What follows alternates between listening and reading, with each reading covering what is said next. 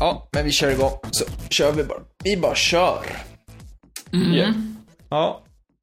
Då säger vi... Nej, jag orkar inte börja sådär. Det är så tråkigt. Jag har tänkt hela vägen hem på hur jag ska inleda och kommer liksom inte på ett bättre sätt att Säg tja. Ja. Eh, tja. Nej, det går inte heller. Välkomna till Bundesliga-podden. Eh, Ytterligare ett avsnitt är på väg att spelas in. Med mig, Andreas Jajamän, här är jag. och Filip. Yes. Det var en eh, väldigt eh, dålig, men ändå någonting annorlunda i starten än vad jag gjort tidigare. Eh, så att eh, vi, den som har tips på hur vi kan inleda annorlunda, den får gärna skicka in för att jag är värdelös. Tänker varje dag på det, hur jag ska inleda Bundesliga-podden. Vinnaren får en uh, signerad tröja av dig. Mm, jag säger inte vilken signerad tröja, men eh, Jag ska ja, jag har inte råd med det, Andreas. Jag har inte råd att köpa en... Trodde de var gratis, ja. Jag löser det killar, jag löser det. Ja, nej, vi, absolut. Jag kan skicka en signerad tröja, men jag kommer inte definiera vad, vad tröjan är. Eh, så att, eh, men absolut. Eh, det har ju skett en hel del de senaste dagarna och framförallt så sitter vi 24 timmar efter att eh, transferfönstret stängt och spelar in den här podden. Och eh, det skedde ju ändå lite saker på sluttampen. Inte lika mycket som förra året, får jag intrycket av. Men det skedde ändå lite. Vad eh, skulle ni säga var det liksom mest intressanta här mot slutet av eh, silly season i Tyskland? Eh, om vi börjar dig, med dig, Andreas. Eh, nej, men det var ju ganska stilla. Eh, tyckte ju eh, kanske att Hamburgs lån utav... Um, nu tappade jag namnet till och med. Filip. Köpet. Douglas Santos. Nej, från Leicester. Jag har svårt att låna från Leicester. Vad fan var det som från Leicester? Ja, Hoff, det. Hoffenheim lånade Kramaric i vintras från Leicester. Annars har det inte varit något lån tror jag. Eh, Ja, skitsamma då. Svagt Eh, alltså. Ja, det var svagt. Däremot Ja, det- var det ganska mycket lån på, på mittbackar ju. Ja, men det är ju ett Leicester-lån. Nej, det är Filip Walscheid du tänker på. bara- Han är för Stoke. Men det var ju intressant ju att se, om vi ska börja med honom då, så var det ett intressant eh, att se honom komma tillbaka till Bundesliga. Han var ju väldigt lovande senast han var i Bundesliga, men... Eh, Ja, vi pratar Wolfshead nu. Jag hänger... ja, precis. Du bytte värvet till Wolfsburg där för att Filip tog det på tal. Eh, annars så tycker jag att Jonathan Schmid var en intressant värvning till, eh, till Augsburg här. Eh, Mm, det håller jag med om faktiskt. Känns som att den har kommit lite i skymundan av mycket annat. Ja, precis. Och det är lite oklart också varför han... Eh, varför Julian Nagelsmann har eh, eh, låtit honom gå. Och så Martin Hinteregger då såklart. Eh, som inte direkt glänste för oss förra våren. Så vi får väl se lite här vad han eh, kan prestera här under eh, den här sessionen då, så att säga. Dyraste värvningen någonsin för Augsburg. Till och med det. Det visste jag faktiskt inte. Det var ju det var bra info där Filip. Du som eh, följde Deadline Day in i det sista på Svenska fans och skrev eh, vad reagerade du mest på? Du kan ta både rent generellt och eh, liksom i Tyskland. Eh, men om vi ska börja med Tyskland då, så den övergången som smällde högst var väl ändå en Serge Gnabrys övergång till Bremen. För det var ju där han hamnade till slut, även om det var men snack det- om annat länge. Det var, alltså det är ju fortfarande, det är rätt oklart. Det är Eh, väldigt oklart. vad det är som gäller. Och kan ju dra storyn om Gnabry rätt, rätt kort sådär. Dels så börjar det någonstans, måste man börja med att Christian Heidel, Schalkes sportchef, går ut och säger att 17 av 18 Bundesliga-klubbar är intresserade av Gnabry, men inte Bayern då. Eh, de var uträknade. Och sen så kom det upp, ut uppgifter i, var det i tisdags det började, dagen innan deadline day, att Bayern München hade gjort klart med Gnabry och att, han, att de skulle låna ut honom till Bremen. Varav det på ett eller annat sätt liksom mer eller mindre bekräftas av hans farsa, eh, Sean Herman, för övrigt ett briljant namn. Mycket eh, bra namn. Eh, och Sen så tar Sean Herman tillbaka det här, för att det här stämmer inte alls, för då går Werder Bremens sportchef ut och säger att nej, vi är på väg, vi är överens, vi ska köpa Gnabry från Arsenal utan liksom någon medhjälp från någon annan klubb. Och så såg det ut så. Sen så presenteras ju Gnabry till slut av Bremen på onsdagen. Men trots det så uppger Kicker och andra tidningar att det fortfarande är så att Bayern har pungat ut hela övergångskostnaden och har rätt att plocka över honom nästa säsong. Även om Bremen inte påstår det. Men det som liksom får mig att tro att det ligger någonting i det här är väl det faktum att Bayern inte har förnekat det. Alltså, de har ju inte sagt ett, ett jota om det här. Nej, det bästa jag tyckte var på presskonferensen som, eh, som Baumann i, i Bremen höll, sportchefen där. De eh, rapporterade på Twitter, det egna Twitterkontot, så skrev de först att eh, det är ingen annan klubb som har med detta att göra. Och sen så skrev de minuten efter, det är en klubb som är inblandad i den övergången. Så det är ju väldigt, väldigt, väldigt oklart vad det är som pågår egentligen. Ja, det, det, det är otroligt oklart. Eh, och eh, Alltså, enkelt sagt, det, alltså, det, det, det, jag har aldrig varit med om en så otydlig affär, tror jag, i hela mitt liv. För det var verkligen väldigt många bud på det. Och det som jag skrattade nästan mest åt var att Kicker var egentligen typ först med att dra det här Bayern betalar eh, spåret, men han får vara i Bremen som, en, eh, som ett glorifierat lån liksom. De äger spelare, men Bayern har rätt att plocka honom mer eller mindre. Mm. Och Sen när det här då någonstans förnekas av Bremen, då går Kicker ut och bara så här, Haha, det här, eh, nu är det massa medier som har gått på liksom den här. Alltså Kicker försökte bara blåneka att de överhuvudtaget har skrivit någonting om det här och menade på att det liksom var som en jäkla, alltså det var så sjukt att läsa när de skulle försöka rädda upp situationen. För att sen undra ut exakt samma sak på onsdagen. Jag tyckte det bara var, det blev väldigt roligt. När media någonstans började så här inse att shit, eh, vi tvivlar på våra egna uppgifter. Hur ska vi rädda vårt egna liksom anlete från att se jäkligt dåligt ut här? Uh, ja, det, det, är väldigt lustigt, men inget har ju bevisligen kommit fram då, utöver att Bremen någonstans menar på att det kan finnas hjälp från annat håll.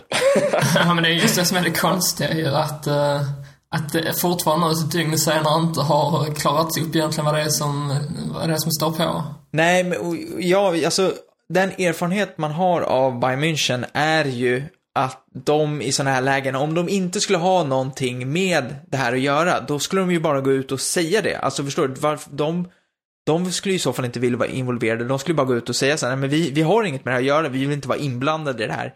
De, de har verkligen inte sagt någonting. Ingen, alltså ingenting. Typiskt Bayern till viss del att inte göra det, utan att bara vänta ut tills stormen har lagt sig och sen komma med någonting. Men, mm. Och sen så, jag, det, jag, liksom, jag kan inte, jag förstår liksom inte. För att, jag, kan man ens göra så här? Får man göra så här? Det är väl det, det är kanske det som är oklart i alla fall, men uh, det är samtidigt inte direkt kommit något från andra hållet heller, alltså uh, från säljande klubben liksom. Uh, och jag vet inte heller inte om Bayern München har någon nytta av att inte heller gå ut med att de gör så här, för det kommer ju ändå komma fram i slutändan, det gör det ju alltid. Eh, men eh, jag hade ändå några konspirationsteorier liksom om att de, de gick in och skrämde bort andra klubbar för att sen låta honom spela i Bremen eller sådär. Men... Eh, ja, nej men och sen så liksom när vi själv går ut så här, ja men nej det blev Bremen för att eh, Mertesacker har pratat så gott om det, Mesut Özil också. Jag vet, jag vet inte vad det är, men det känns ju som rätt så här, det, det, alltså det, det, det är någonting som är så jäkla ruttet med den här affären som bara stinker konstigheter. Så att jag är spänd på att se vad det ska mynna ut i. Was ist grün und stinkt nach Fisch? Werder Bremen. ja, exakt. Fick han in också. där, fick, det, exakt, där kom det. Men själva transfern i sig är ju annars, om man nu ska prata om det rent sportsliga, så är det ju en rätt spännande transfer. Och Bremen är nog rätt glada över att ha fått in honom. Eh, inte minst vår OS-bevakare Filip har ju sett Gnabry in action och han imponerade ju under OS. Det gjorde han. Han var ju bäst i Tyskland enligt mig. Så, eh, och jag har ju sagt innan på den att jag gärna vill ha honom till Bundesliga, så jag är ju glad att han är, är i ligan nu. Eh, Werder Bremen känns väl som en, som en eh, ganska lagom klubb att gå till nu först för honom. Sen får vi väl se om det då blir Bayern München till nästa år eller inte, men jag tror inte att han är riktigt redo för att ta det steget. Andreas, du tror inte Gnabry är redo för Bayern München? Ja, absolut inte. Eh, definitivt inte den här säsongen och väldigt tveksamt nästa också. Eh, däremot för ett lag som Bremen så är det ju en fantastisk värvning egentligen. Eh, dessutom om det pratas om de summorna som det pratas om så är det ju en ekonomiskt försvarbar sådan också. Oavsett om Bayern München är indragen i den eller ej. Det fanns ju stort intresse för Gnabry och det är ju det. Det är också man undrar liksom lite vad tog alla andra klubbar vägen här eh, sista dagen? Eh, varför var Werder Bremen så? Självklart. Eh, visst, man kan ju skylla på att, eller säga att det beror på Per Mertesacker, men det finns ju många andra spelare som också eh, har gott att säga om andra klubbar eh, som förmodligen också står Gnabry nära, även om det inte är en del av Arsenal då. Eh, jag tycker det, det känns ju märkligt att eh, Werder Bremen skulle vara det bästa alternativet egentligen och därför tror jag nog att Bayern München har eh, åtminstone ett eh, finger med i det här spelet. Mm. Ja, det blir spännande att se. Vi kommer garanterat komma tillbaka till den grejen, men... Mm. En sak så jag får klart ja. är att vi inte kan lita på Sean Herman. Nej, Sean Herman Gnabry är en riktig lurendrejare och det hör man... Familj, familjefejdar nu, eller så har han fått betalt. Mm. Alltså det roliga var att han någonstans gick ut och sa så att Nej, det var så mycket information så jag blev förvirrad av den. Det är så här, bara, fast det är inte sant. Det här är inte, det, det är omöjligt liksom. För att man kan inte gå ut och säga att någon är klar för Bayern och att det ska funka på ett visst sätt för att sen bara, det, nej, jag hängde inte med. Liksom, det, det, så funkar det inte när man är farsa i, i sammanhanget liksom. Antingen så bara blåljög han från början eller så hade han liksom helt och hållet missförstått något. Eller så hade han fått, helt, han kan ju ha fått fel uppgifter, men det låter ju också helt otroligt. Att Gnabry då ska ha varit på väg till Bayern och sen så har de gjort omtransfern i sista sekund. Nej, jag tror att Bayern har ett finger med i spelet. Ja, det Men jag, tror jag med. För jag bara, om vi är klara med Gnabry nu så måste jag ju bara återkoppla till min eh, fantastiska start på det här avsnittet också. Om Leicester? Ja, det var inte Leicester det var, och det var inte Hamburg heller. Everton. Precis, Everton och eh, Eintracht Frankfurt. Ja, det... det är ganska nära då. Nej, det är ju inte det alltså. Herregud. Både Leicester och Everton har blåa tröjor. Sen Hamburg, Frankfurt. Det samma skrot och korn. Så ja. det finns någon koppling ändå ja, Då spelare i fråga är i alla fall Shani Tarashai som kommer till lån till, på, till Frankfurt där då. Eh, som utav det jag har hört och läst och, och sådär förstått. är en spännande spelare. Representerade också Schweiz här i, i eh, EM. Ja, man gillar ju namnet i alla fall. Ja, riktigt bra namn faktiskt. Och det är fan inte lätt att komma ihåg heller. Shani Tarashai. Jag tycker, jag tycker det är förhållandevis lätt att komma ihåg faktiskt. Det är inte så att man, det är inte Adam Nilsson-klass på namnet. Det är inte ett i mängden, utan Shani Tarashai känns ändå rätt, rätt unikt. Och du har, du har ju övat på uttalet också, hör man ju. Ja, det... Tarashai, vi, men... Vi släpper det, va?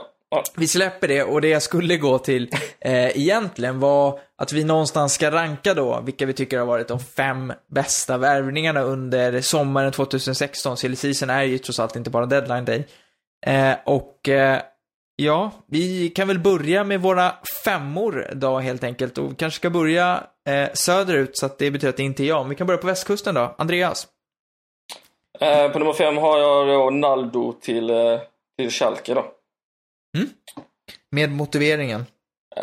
Ja, dels eh, priset att han gick på eh, fri transfer då och sen så Naldo har ju varit en, en av Bundesligas, eh, ja inte bästa men i alla fall en av de bättre spel, mittbackarna i Bundesliga under många år.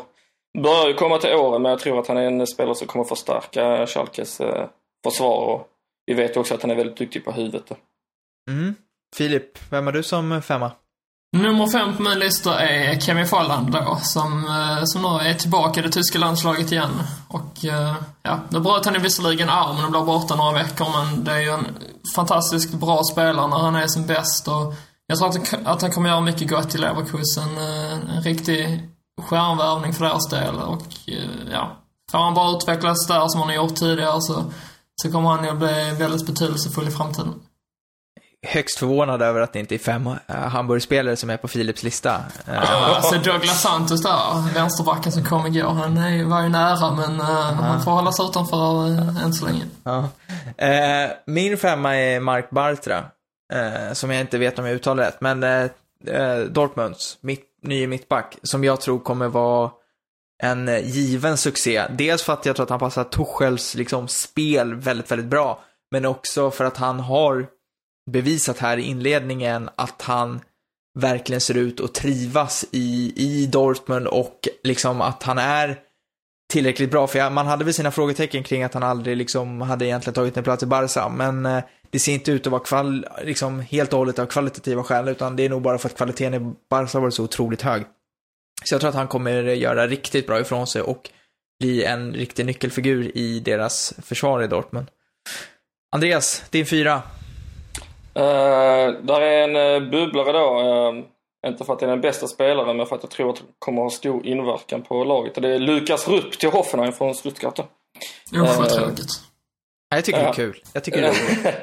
nej, men det är en spelare som har varit med i, i några år här nu i Bundesliga. både Mönchengladbach och Paderborn och, och Stuttgart och sådär. Och inte minst i helgen här så eh, syntes det ganska tydligt hur eh, eh, viktig han kommer kunna bli för Hoffenheim den här säsongen. Ja. Så det, jag tror att man har gjort en, eh, en bra värvning där. Det är ju många Stuttgart-spelare som har bytt eh, lag då från förra säsongen eh, eh med anledning av nedflyttning då. Men jag tror att Lukas Rupp kan bli en, en väldigt nyttig spelare för Hoffenheim. Mm. Det blir spännande att se. Filip, din fyra. Ja, nu ska du få som du vill, för nu kommer en HSV-spelare. Halilovic. Ja, fan. Ja, det är än Halen Halilovic. Det är, så, det är så otroligt lättläst. Ja, men det kunde lika bra varit Filip Kostic. Nej, det kunde, det kunde inte det. Det kunde inte det. Han kommer ju sen. Alltså, om han inte kommer sen. Men jag visste att Halilovic skulle vara högt upp på din ja. lista. Ja, det, det, ja, men det är väl inte jättekonstigt egentligen. Nej, men jag är ändå förvånad att han är så pass lågt ner som fyra. För han är, ja. Absolut. Ja, han kan bli överraskad av namnet som kommer därefter också. Men i alla fall, jag har honom på fjärde plats. Eh, det är en stor talang och ja, ni får säga vad ni vill, men jag tycker att han är i samma klass som Sanchez och Dembele. Eh, I alla fall om man jämför hans betydelse kanske. Fast eftersom Sanchez har inte så stor betydelse i... Nej. Jag jävla samma. I alla fall, han är fyra och han är bra och han, eh, jag tror han kommer att bli viktig under säsongens gång också. Ett oprövat kort, men det lilla vi har kunnat se av honom har faktiskt imponerat. Gjorde kanske inte någon jättestjärnsprakande debut i Bundesliga, men tyckte ändå att man kunde se några tendenser på att han, uh, han vill mycket och uh, ja, får han bara komma rätt in i det så, så bör nog målen och assisten trilla in så småningom. Uh, det, det jag skulle säga var att, ja, jag, tror att jag tror att han kommer spela en betydligt större roll än vad både Dembele och Sanchez kan tänka sig göra i Bayern, men det beror ju, det beror ju inte liksom, det beror ju på att han blir ett betydligt sämre lag. Exakt. Eh, så att nej, det, där är jag fullt med dig på att han kommer kunna bli väldigt viktig i Hamburgs offensiva spel. Eh, min fyra är Max Kruse. Och det är egentligen rätt enkelt för att jag tror att han är, om han liksom kommer tillbaka hyfsat till där han var så kommer han vara Bremens överlägset bästa spelare.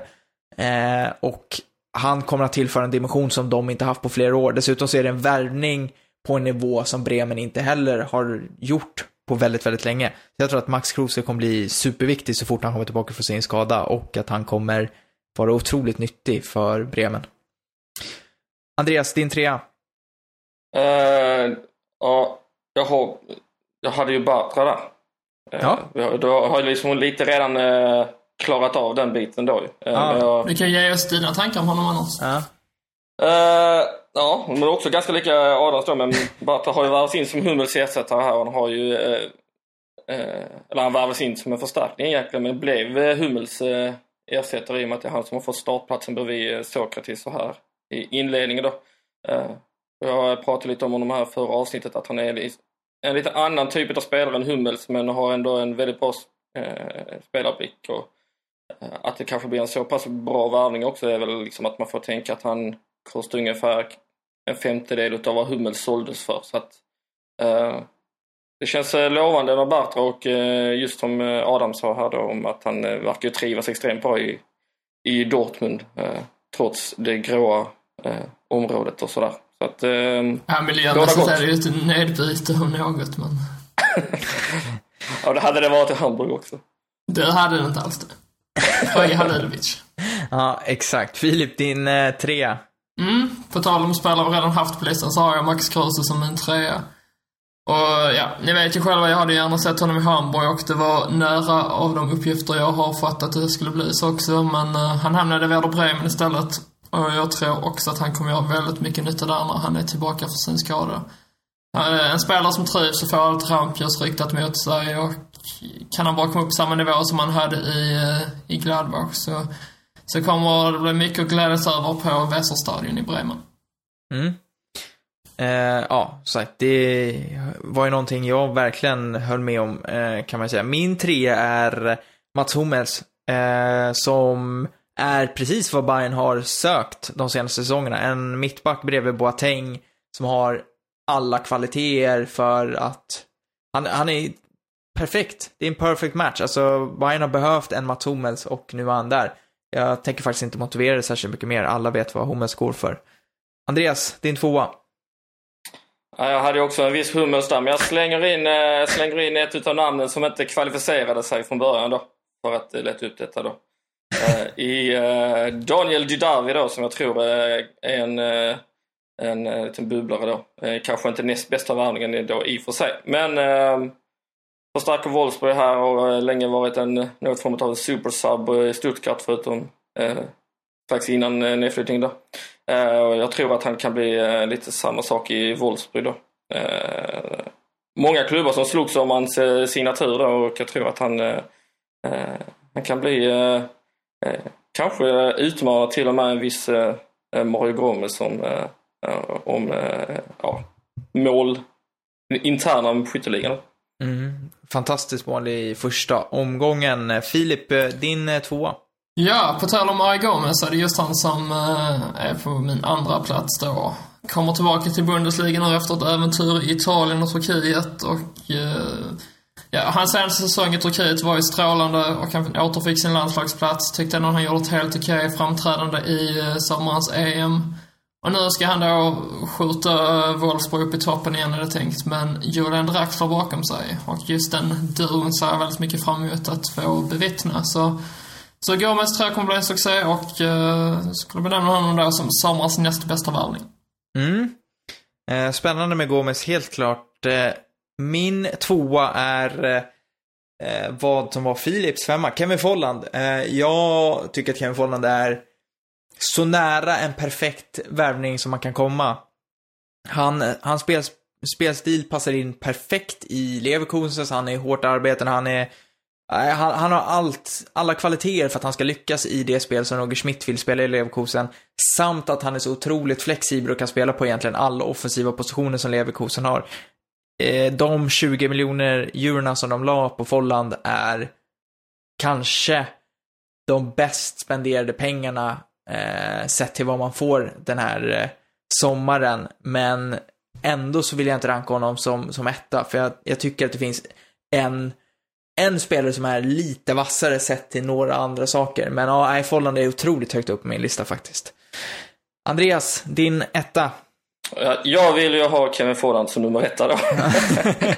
Eh, nej men han har ju varit Hoffenheim många år och många som har varit ryckt i honom och nu kommer han till en, eh, till en klubb med betydligt skickligare medspelare då. Eh, bröt han visserligen eh, fingret här i, i, eh, i landskampen här men så fort han kommer tillbaka så är jag rätt säker på att han kommer att bidra till väldigt mycket till, till Leverkusens eh, offensiv. Um, jag är ganska genomskinligt eh, genom avsnittet här att jag tycker om Kevin Fonna som spelare och jag tror att han eh, verkligen kommer att leverera.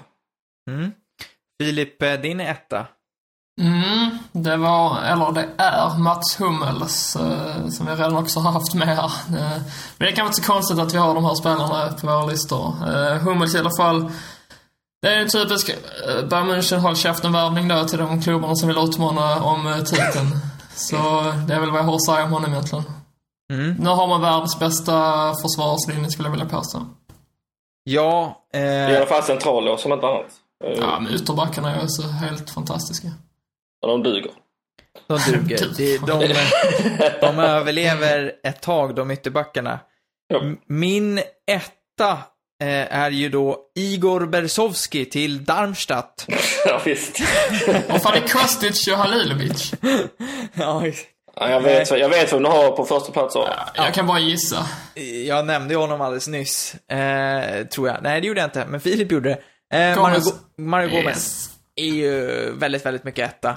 Eh, av den enkla anledningen, dels som du säger Filip, det finns ju, alltså, han, hans målskytte, hans liksom, så bra som han har varit, så bra han var under EM, eh, det facit han har som Bundesliga-målskytt är ju osannolikt. Sen så är det också sånt jävla statement av Wolfsburg att värva in en sån kille efter allt skit som de har gått igenom den här sommaren. Det var verkligen precis vad de behövde för att få lite, lite lugn och ro.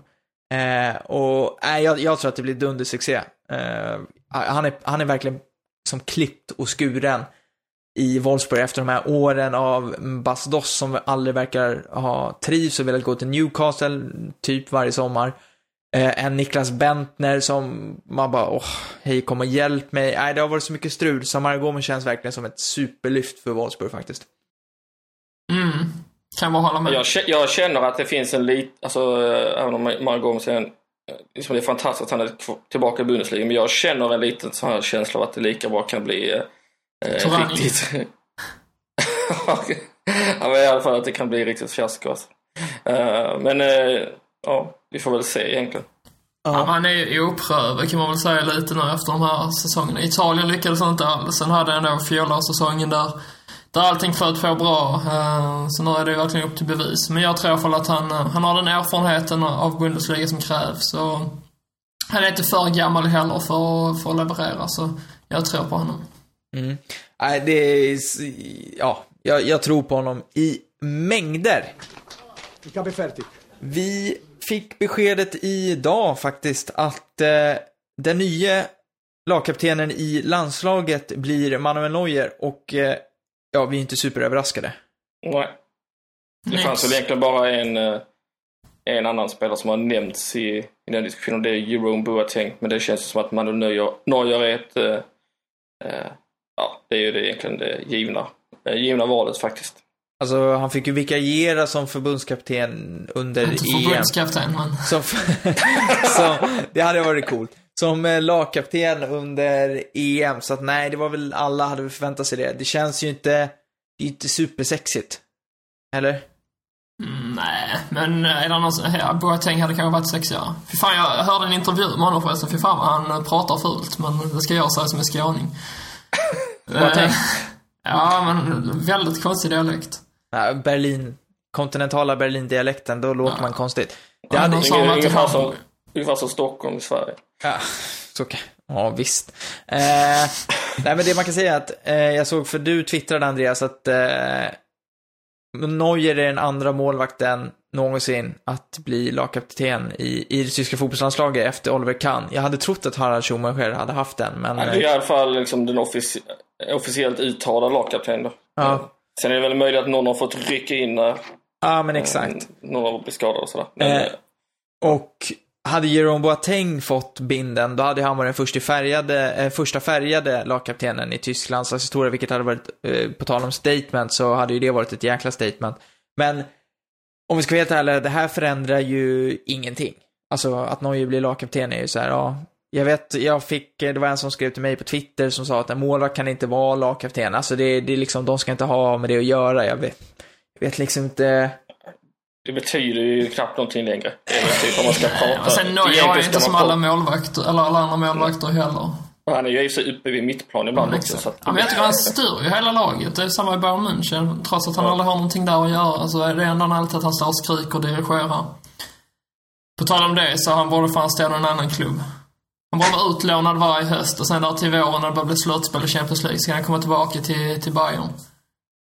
Ja, Så har han det- lite att göra i alla fall. Ja, där, där har du ju det. Eh, vi, som sagt, ni märker, det, vi går på tomgång i lagkaptenssnacket. Det är för att vi egentligen inte har så mycket att tillägga. Men det vi kan säga är att eh, Tyskland spelade ju sin eh, första landskamp för den här hösten och mötte då Finland under onsdagen och vann med 2-0 mot Hasse Backes eh, Finland med ett eh, B-lagsbetonat landslag. Schweinsteiger gjorde eh, sin sista landskamp någonsin, gick av med tårar i ögonen. Finns det någonting av värde vi kan ta med oss från den eh, landskampen? Vad tycker ni? det är väl Max Meyer då, tycker jag. Ursäkta. Uh, Max fara. då, som jag tycker har liksom eh, drivit, uh, spelat både i OS liksom och in i uh, Bundesliga och så rakt in i landslaget här då och uh, presterar direkt liksom. Eh, annars så är det väl inte så jättemycket, förutom Schweinsteigers eh, avslut då, som man eh, får ta med sig. Mm, vad Ja. säger du Filip? Jag skulle bara säga att jag tycker det är kul att man kunde säga att det var en betydligt yngre startelva än vad man är van vid. Eh, Brandt fick chansen, och Mayer som vi redan sa, Falland startade och sen i backlinjen då eh, Kimmich. Vad sa du? Och, och Syle. Precis, välkommen till han också som fick göra debut då. Hoffenheim i mittbacken som fick spela sin första match för det tyska landslaget. Så det känns ju ändå som att Löv nu börjar satsa på lite yngre förmågor. Att vi kan säga att Weigel kom in istället för just Schweinsteiger när han byttes ut i den 66 minuten.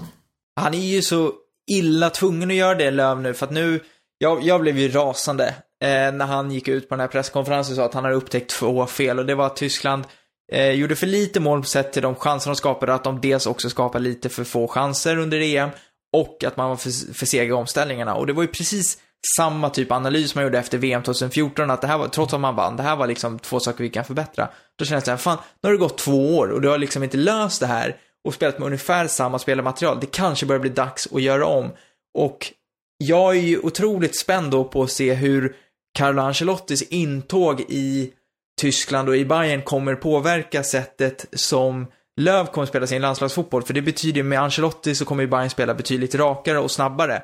Om det inte kommer bli så att vi kommer få se en utveckling inom tysk landslagsfotboll och kanske gå tillbaka till ett betydligt mer rakare och snabbare spel, men med ingredienser av det här bollinnehavsdominerade.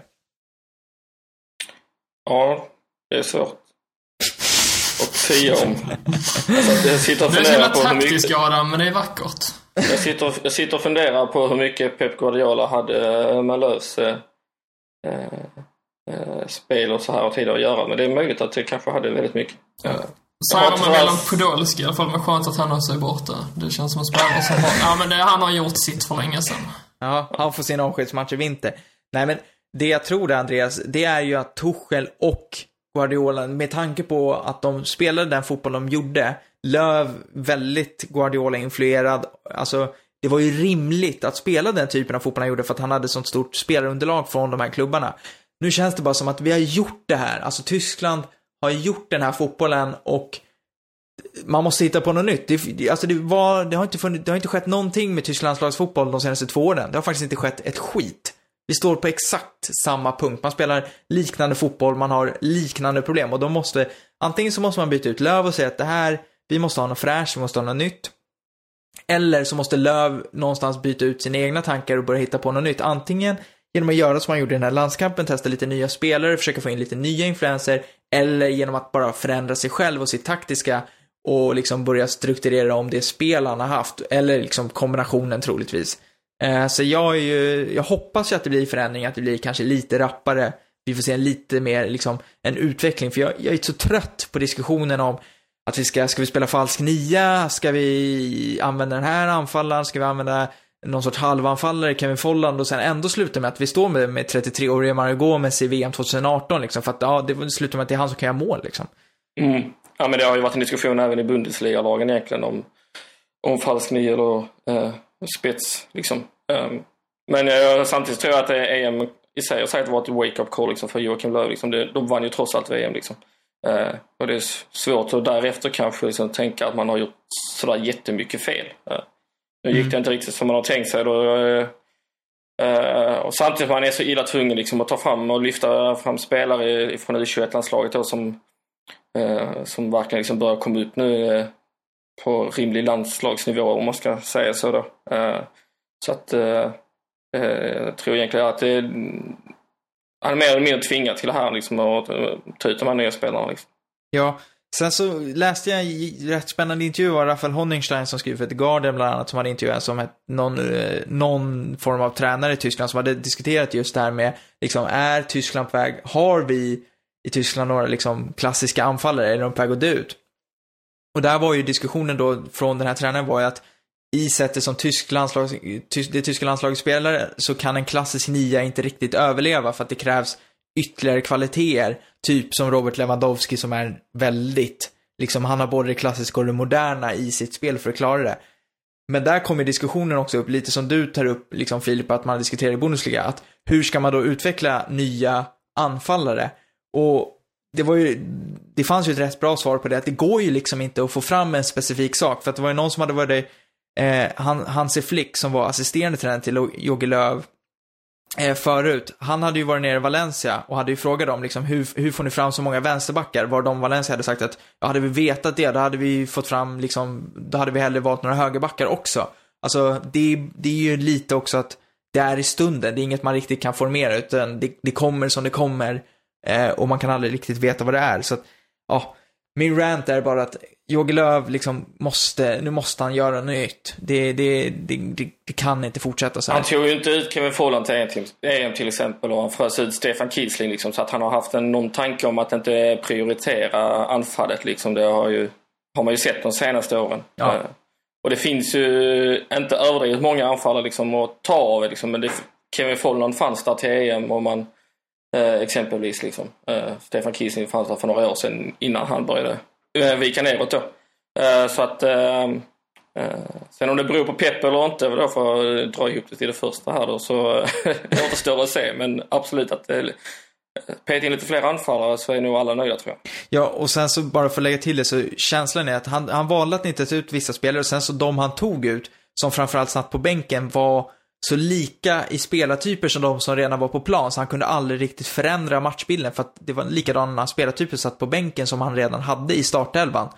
Eh, och han använde ju liksom inte Sané på det sättet som många sa att Nej, men det här kan bli vår joker, för det är, en, det är en lite annan typ av spelare. Han fick ju aldrig speltid, så att nej, jag, jag vill se något nytt. Så enkelt är det.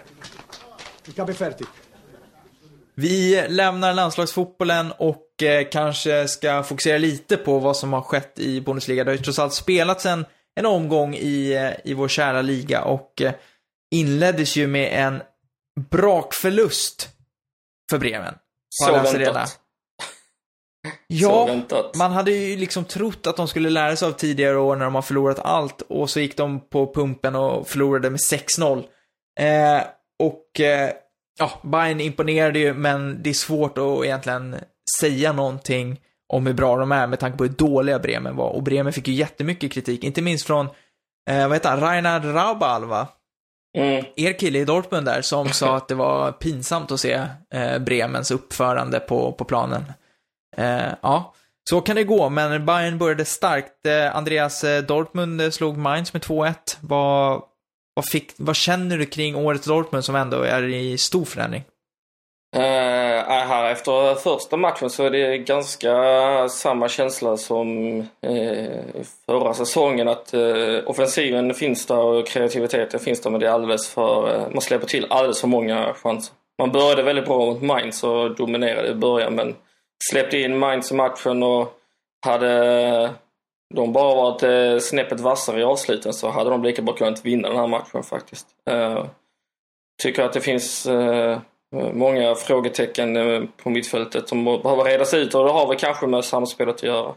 Sebastian Rode är det många som hyllar. Jag har fortfarande ganska mycket jag vill önska av honom. Han släpper till alldeles för mycket i det defensiva arbetet. Dembele blev ju hyllad efter den här matchen bland annat utav Balogun då i, i Mainz då och eh, han gjorde ju en fantastisk match rent individuellt liksom men det tar eh, ofta en fint för mycket precis som Mkhitaryan gjorde i början i sin, sin tid i Dortmund. Eh, men, men bara för att säga, är inte Råde en, lite just nu en sån här typ spelare som det han gör bra syns så tydligt, så det är de sekvenserna man kommer ihåg snarare än det här när han, när han skiter i liksom hemjobbet eller liknande. Alltså förstår du, han, han gör Mm. rätt liksom tydliga brytningar på mittplan och han är liksom, han är, han är en spelartyp man gärna vill tycka om för att han är så intensiv och rivig. Eh, så att jo, kanske, absolut. kanske det liksom överväger det andra. Jo, absolut har det varit så. Eh, Man får väl ha li- lite mer analyserande liksom, ögon än bara kolla på highlightsen liksom, som Exakt. vissa känns som har. Eh, Sen får man väl säga att Aubameyang eh, började med att göra två mål här och eh, Men, var på Lewandowski twittrade att han hade gjort tre då ja. eh, i sin tur. Men Eh, jävlar i mig, André Schürrle kan ju bli årets värvning. Ja men absolut, jag får väl se. Det kommer ju bli spännande att se vad som händer när Royce kommer tillbaka från sin skada i, i oktober då. Eh, kanske redan här i slutet på september. Eh, men han, eh, som sagt, han känns ju som en eh, spelare som verkligen eh, kan ge mig, eller bidra liksom till, eh, till det här och vara det som eh, som har fattats lite i det offensiva spelet tidigare. Eh, men eh, det kommer ju vara en enorm eh, eh konkurrens om de offensiva platserna i, i, i Dortmund och som det redan är defensivt också då. Mm. Ja, otroligt spännande att se. Som sagt, offensivt ser det just nu lite mer balanserat ut än i defensiven i Dortmund. Filip, är du med oss? Jag är här. Du har varit tyst länge nu. Du, Ja, men jag får inte en syl i vädret här. Nej, men då ska du få prata för att du var ju faktiskt nere på plats och såg Hamburg göra en typisk Hamburg, känner jag. Ja, för fan. Vad, vad finns det att säga egentligen? 1-1 mot Ingolstadt. Ja, precis vad jag tippade innan jag åkte ner också.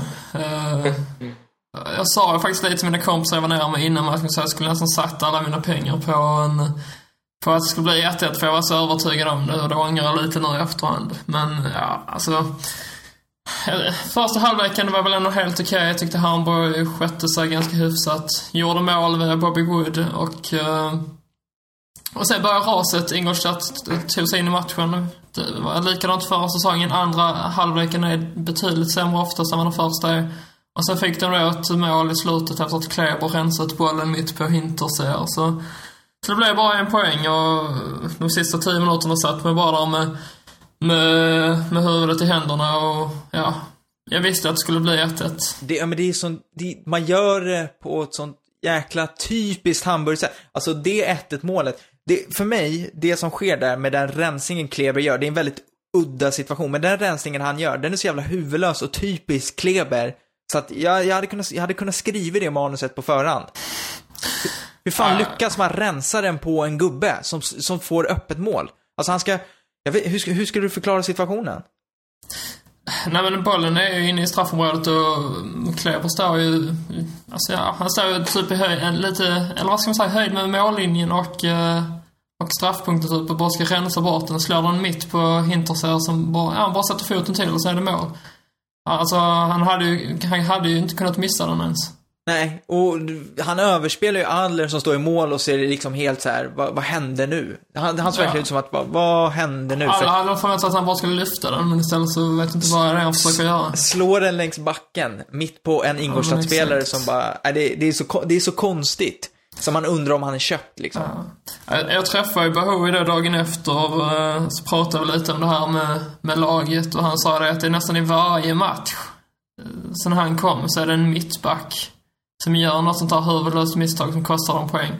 Och det har ni faktiskt rätt i. Det är både Giroud, Spahic har gjort några sådana och, och då Kleber som har stått för sådana här klantiga misstag som har kostat många poäng faktiskt. Ja, och därför så tycker jag det är lustigt i Hamburgs värvningsstrategi att man inte har värvat mittbackar. För jag tycker ju att det här är tre Ja, jag, jag, nu, jag, jag gillar ju Spice, men det, jag förstår ju liksom, det, det, det, de har en förmåga att begå rätt grova misstag. Mm, verkligen. Det är vår svagaste lagdel just nu, utan tvekan. Eh, jag var övertygad om att de skulle komma in nu på deadline day. Jag hoppades på Mattias Ginter, men... Eh, men det blev ju inte så. Det blev bara en vänsterback som kom som man betalade 10 miljoner euro för och de pengarna hade jag hellre sett att man hade köpt in en stabil mittback. Mm. Men eh, det vi kan säga i alla fall att Bobby Wood gjorde ju ett rätt snyggt mål. 1-0 målet eh, kändes ju som ett riktigt eh, an, ett anfallarmål. En kille som har näsa för målet. Jag är, är inte helt såld på Bob Wood, men det målet gjorde ändå att jag fick en känsla av att han kan hålla i Bundesliga. Men hur, så här, får jag bara fråga, hur var förväntan inför match kontra efter match? För jag kan tänka mig att det var rätt bra stämning inför det här mötet med Ingolstadt. Det har ändå varit en rätt bra sommar för Hamburg. Jo, men så är det ju. Jag har ju skrivit i alla mina artiklar så att det är mycket prat om Europaspel att en ny storhetstid ska börja och så här. Och det var det för bara några år sedan. Jag kommer ihåg när van der Fart kom tillbaka, det var det likadant. Eh, och det var det nära oss att man tog sig ut i Europa, men för på målsnöret och sen blev det ju två fiaskosäsonger utan dess like. Men nu är det ju samma snack igen. Nu har Halilovic kommit, Kostic har kommit och och då sportchef Bierstoffer har börjat värva lite yngre förmågor som talar för att det i, i framtiden kommer att finnas talanger att att använda sig av och inte behöva värva de här redan etablerade förbrukade spelarna som vi har gjort de senaste åren. Så givetvis var det väldigt uh, höga förhoppningar inför matchen. Men jag hade inga som sagt och nu i efterhand är jag glad att jag inte hade det heller för jag hade väl varit dubbelt så besviken nu i så fall. Ja, med tanke på att vi alla tippat Ingolstadt rätt långt ner i tabellen så är det ett, det är ett litet underbetyg för Hamburg att inleda med 1-1. Men som sagt, det, det är bara första omgången, så mycket kan ske. Det kanske var Skönt för Hamburgs del att man fick ett landslagsuppehåll direkt. Eh, på den Vad här. många gånger man har sagt det. Ja, jag vet. Jag, Men, jag ja. vill ändå dra det kortet. Jag känner Jag att det känns bara bra. säga att om, om man nu ska vara i toppen och, och här, då är det just de här matcherna man måste vinna. Hamburg förväntar sig inte att slå de här topplagen även om man brukar ta, ja i alla fall mot Dortmund tar man alltid minst tre poäng. Men, eh, men det är ju så här, Ingolstadt, där måste det vara en, en trepoängare om man nu ska upp till Europaplatserna. Så Ja, jag, är- jag är väldigt tveksam. Jag tror det blir en mittensäsong i år igen och det får jag ändå vara nöjd med. Mm. Ja, det är ju bättre än att slåss mot eh, nedflyttning i alla fall. Verkligen. Är det något annat resultat från första omgången som ni vill, känner har stått ut lite extra? Yes. Frankfurt-Schalke. Mm, absolut. Frankfurt vann ju med 1-0 där mot ett Och, och vem gjorde mål? Alexander Alexander. Lomba. Och hur nära var inte Branne att få näta direkt? En ribba. Eh, hindrade honom. Jag kollade igenom sammandraget. Det var ju sjukt vilken eh, press eh, Frankfurt hade på Schalke där ett tag. Speciellt i inledningen. Och det var ju sjukt hur dåliga Schalke var. Ja, men det, det var ju som jag sa i förra podden. Man har alltid så höga förväntningar på Schalke inför säsongen, så blir det bara pannkaka av det. Nu fick vi se lite bevis på det här, även om det bara är en match som har spelats. Så jag tror att vi kommer att få se lite liknande de här eh, resultaten under säsongens gång. Schalke dundrade in med ett nyförvärv bara från start. Det var Naldo. Det var han som gjorde misstaget till 1-0 målet. eh, så att det var inte superbra där. Och sen så efter det så har ju Schalke värvat. Vi har ju inte ens nämnt någon Schalke-spelare, men de har ju värvat rätt mycket eh, efter den här matchen. Det var ju tre, fyra spelare som har dykt upp. Eh, så att det kommer vara, se lite annorlunda ut efter landslagsuppehållet. Men nej, kul för Frankfurt såklart. Och Alexander Mayer eh, fortsätter ju ösa in mål. Kopplat grepp om skytteligan. Ja. Och tredjeplatsen kanske. Nej, han, han kommer snart, ska vi säga. Andreas, eh, något resultat som du tycker stod ut utöver de vi har nämnt? Uh, ja, Borussia Mönchengladbach och Leverkusen, det var ju ändå en match mellan två topptippade lag då. Eh, och det syntes också, det var en väldigt välspelad match. Uh, där jag väl tyckte att Leverkusen kanske egentligen var uh, snäppet vassare länge. Men uh, Mönchengladbach uh, försvarade sig bra uh, när de uh, av, avgjorde sen med att byta in uh, Hazard i 84 minuten som då låg bakom Lost Inders 2-1 mål. Uh, men en jävligt bra match liksom. Eh, Så eh, tror jag, även om man eh, kanske förväntar sig mer av Leverkusen än Gladbach då, så eh, var det ändå rätt givet att det här är två lag som kommer ligga högt upp. Mm. Eh, Det var väl det från den kvällen i alla fall. Mm. Jag är en av få som har tippat Gladbach eh, högre upp än Leverkusen i tabellen och jag tror att eh, detta resultatet kan fan nästan avgöra den placeringsstriden där. Och dra den efter första omgången alltså. Ja men alltså så, jämnt tror jag det kommer bli mellan dem. Ja. Att det kommer vara så här, antingen blir det målskillnad eller så, så blir det just de här poängen som avgör. För det, är, de känns väldigt likvärdiga just nu. Jag, ko- jag kommer ju skriva upp den här och återkomma till den när vi summerar säsongen och se om du har fått rätt eller fel. Men Ja, ja, fan, jag har tabellen på Svenska fans, så bara till kolla.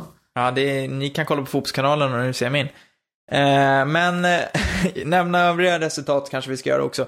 Augsburg förlorade hemma mot Wolfsburg med 2-0 trots att Augsburg egentligen skapade flest lägen i inledningen. Men till slut var det Wolfsburg som gjorde målen och det Och utan... vilket jävla mål av Didavi. Ja, vilken, vilken läckert. träff. Ja, otrolig träff. Eh, och då spelade inte ens Mario Gomez. Så att en eh, välbehövlig seger får man säga för Wolfsburg som har haft sina bekymmer på, på som, under sommaren eh, med 2-0 där borta. Köln vann hemma mot Darmstadt med 2-0. Och det borde ha blivit mer. Eh, Bittencourt stod för en fantastisk insats i Köln. Eh, och eh, ja, Köln trummar på, och, men ingen hade väl egentligen förväntat sig något annat med tanke på att alla tippar Darmstadt supersist. Så 2-0 där i Der Domstadt. Die Domstadt ska det vara till och med. Lite kul innan matchen att eh, fansen samlades i kyrkan och sjöng Kölnhymnen. Mm, det är en, en av ligans bästa hymner skulle jag vilja påstå också. För fan. Faktiskt. Eh, Hertha Berlin avgjorde på 90 plus 5 eh, när de slog eh, Freiburg med 2-1 och då hade Freiburg alltså kvitterat på 90 plus 3. Men en gammal Dortmund-bekanting, Julian Schieber, klev fram och satte 2-1 för Hertha som eh, klarade sig med nöd och näppe från att tappa poäng i premiären mot nykomlingen Freiburg. Det får man unna honom. Ja, det, det vet jag inte. Men, Ja, men han hade så ju en så- uh, helvetessäsong förra året ju. så. Alltså det enda jag kommer ihåg är Julian Schieber, inte liksom, jag har ett minne, det var ju borta på Westfalenstadion när han spelade i Stort, Stuttgart och gjorde någon, he- det var en helt osannolik match, vad slutade den? 4-4? Ja, Han gjorde två mål tror jag. Ja, det var, han var så jäkla stekhet då, det var ju då som, efter det som Dortmund värvade honom. Ja, precis. Uh, nej, men uh, uh, det såg inte ut efter matchen här nu mot uh, Freiburg som att han riktigt fattade att han hade gjort mål faktiskt. Så oerhört. Det var en jävligt ovanlig känsla för Julian Schieber det där. Vad är det? Vad är det som har hänt egentligen? Ja, nej, Hertha, Freiburg 2-1 och eh, helgen avslutades ju med Hoffenheim-Leipzig som slutade 2-2. Eh, den kunde ha slutat 6-6 om man får tro eh, Leipzigs sportchef Ralf Rangnick. Det var ju väldigt mycket roliga grejer på läktaren där Hoffenheims publik hade banderoller där det stod att eh, vi vill ha tronen tillbaka. Eh, Tysklands mest hatade klubb, Hoffenheim liksom. Och, och att eh, så var det så här hälsningar till de fyra Sky, Sky-tittare som kollar. Men grejen var att jag tror att den hade typ 160 000 tittare den där matchen, så att eh, det stämde inte. Men det var, det var roligt på läktaren i alla fall. Och eh, i det här El Plastico så blev det ju oavgjort. Och eh, mm, det får man ändå säga att eh, Leipzig nog är rätt nöjda med och inte förlorat åtminstone i premiären. Mm. Det Det var ju de som ju- låg under när de kvitterade, så det får de vara nöjda med en poäng. Absolut. Det såg eh, rätt ihåligt ut bakåt som jag tror det kommer straffa sig lite mot bättre lag. Eh, Emil Forsberg fick bara på bänken också, bör vi ju nämna. Han som var så given i Schweiz, nu är han uppe i... i ja. Såg ut lite som att han kom in också, som att han inte riktigt har varit med på att de har gått upp i Bundesliga, för det är inte lika enkelt att slå ytterpassningar nu som tidigare. Så vi får se hur han anpassar sig här framöver. Ja, det är lite skillnad på att springa runt mot Sandhausen och sen att springa runt mot Hoffenheim, Schalke och Bayern liksom. Eh, det funkar. Bra jämförelse. Hoffenheim, Schalke och Bayern. Ja, jag, jag var ju tvungen att eskalera i nivå känner jag. Jag var tvungen. Vågar vägra dubbla bort liksom. Hoffenheim var förhållandevis nära Sandhausen i jämförelse kände jag. Eh, på något sätt. Il capo è fertig. Innan vi avslutar så tänkte vi bara gå igenom hur det gått för svenskarna i veckan. För det är ju framförallt en som har fått lite rubriker och eh, det är ju Kristoffer Nyman, eller hur Filip?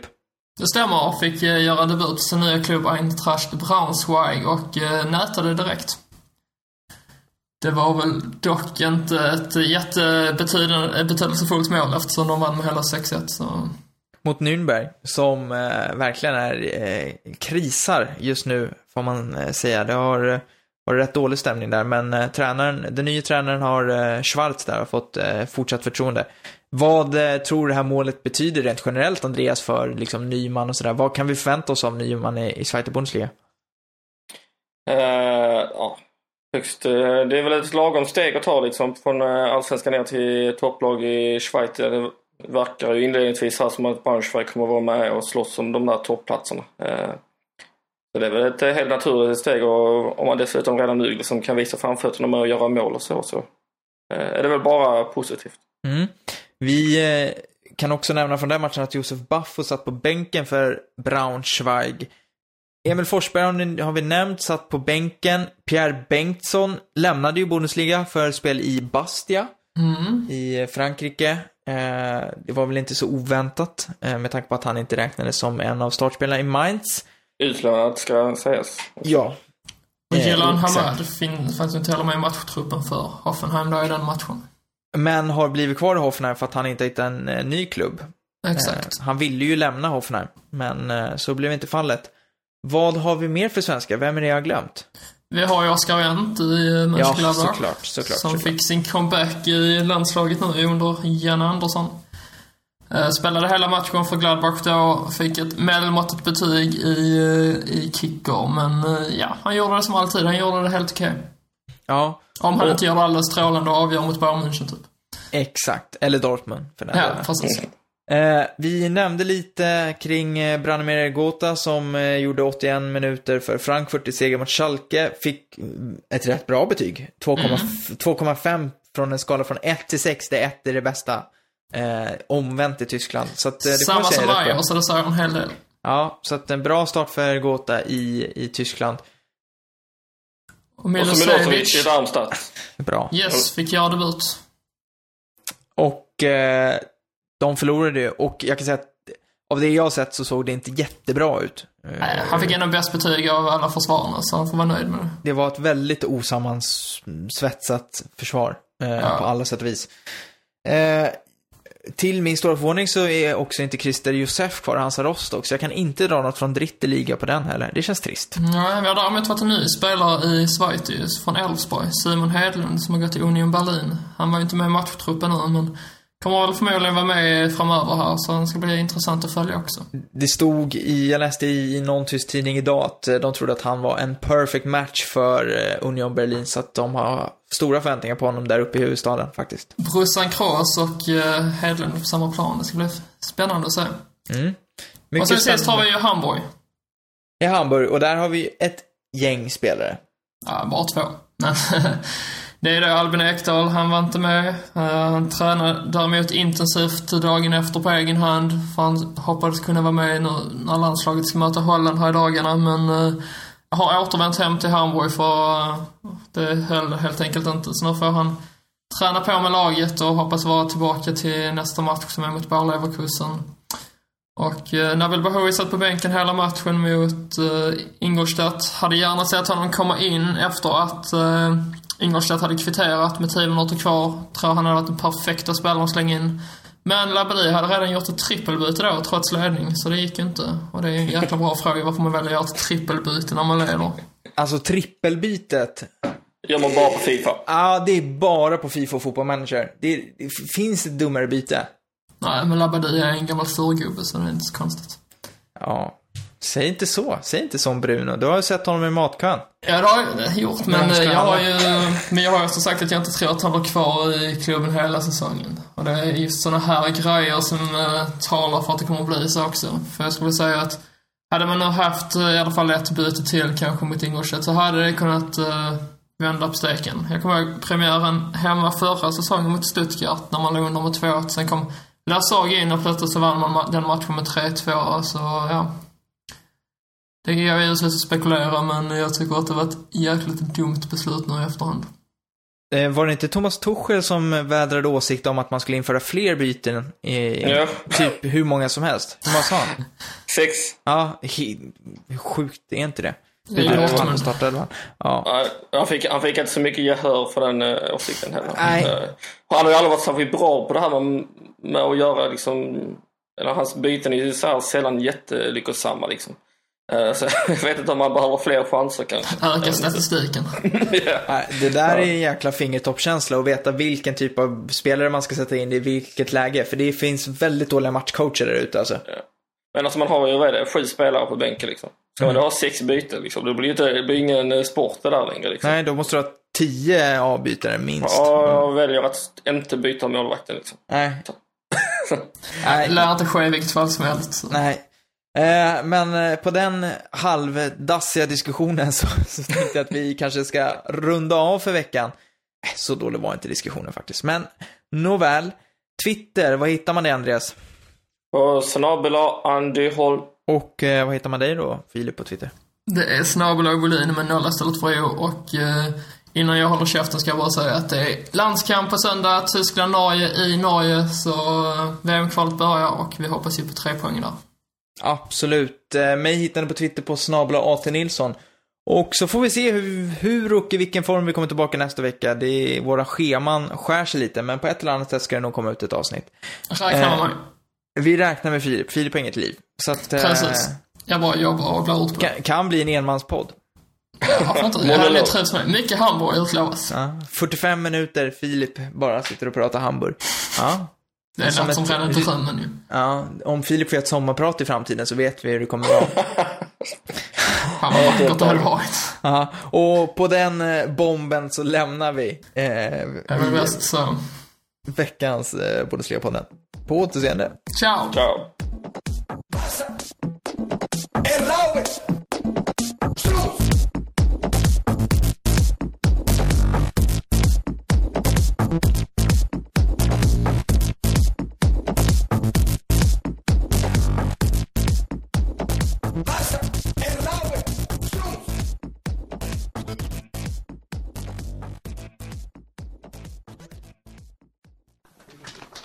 Ich habe fertig.